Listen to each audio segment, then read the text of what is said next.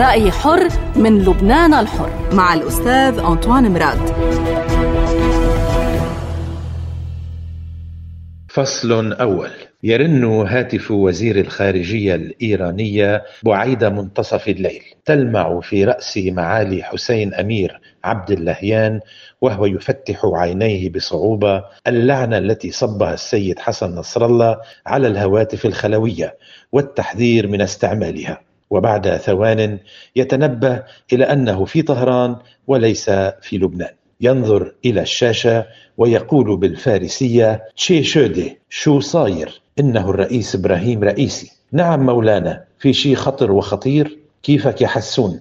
بدي اطمن بس. حدا هدد إيران حدا قرب صوبنا. هل سقط صاروخ ما في أرضنا؟ أم رصاصة ما؟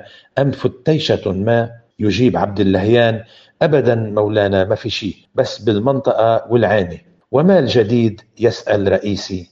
يجيب عبد اللهيان عشرات الغارات على الحوثيين في اليمن. إيه بسيطة.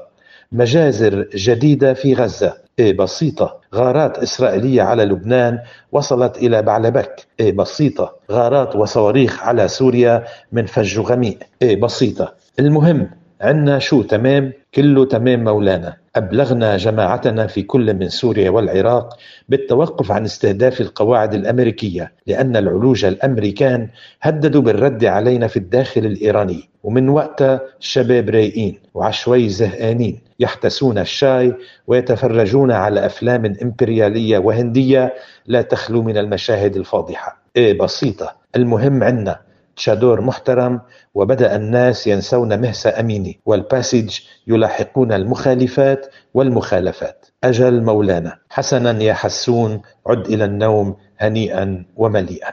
فصل ثاني. جيد أن ترفع الحكومة قيمة الرواتب والتعويضات لموظفي القطاع العام. وجيد أن تتحسن أوضاع الموظفين عاملين ومتقاعدين. أما من أين وكيف فالمعجزات واردة عندنا. طالما أن الضرائب والرسوم الجديدة مقلعة فلا مشكلة في سد جانب من الهوة.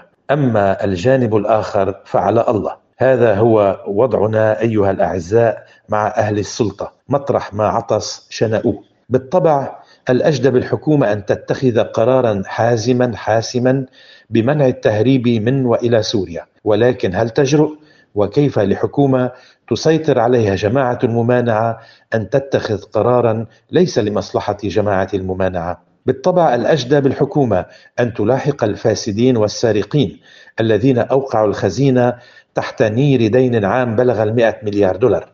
ولكن أين للسلطة أن تلاحق من يشارك فيها ومن دفن الحج زنكي سوا مع جماعة الدويلة وإذ به اليوم يتبرأ ويتنصل؟ صار بدها تركيب جديد لكي يبقى لنا شيء من لبنان الذي نحب ونريد. والسلام. رأي حر من لبنان الحر.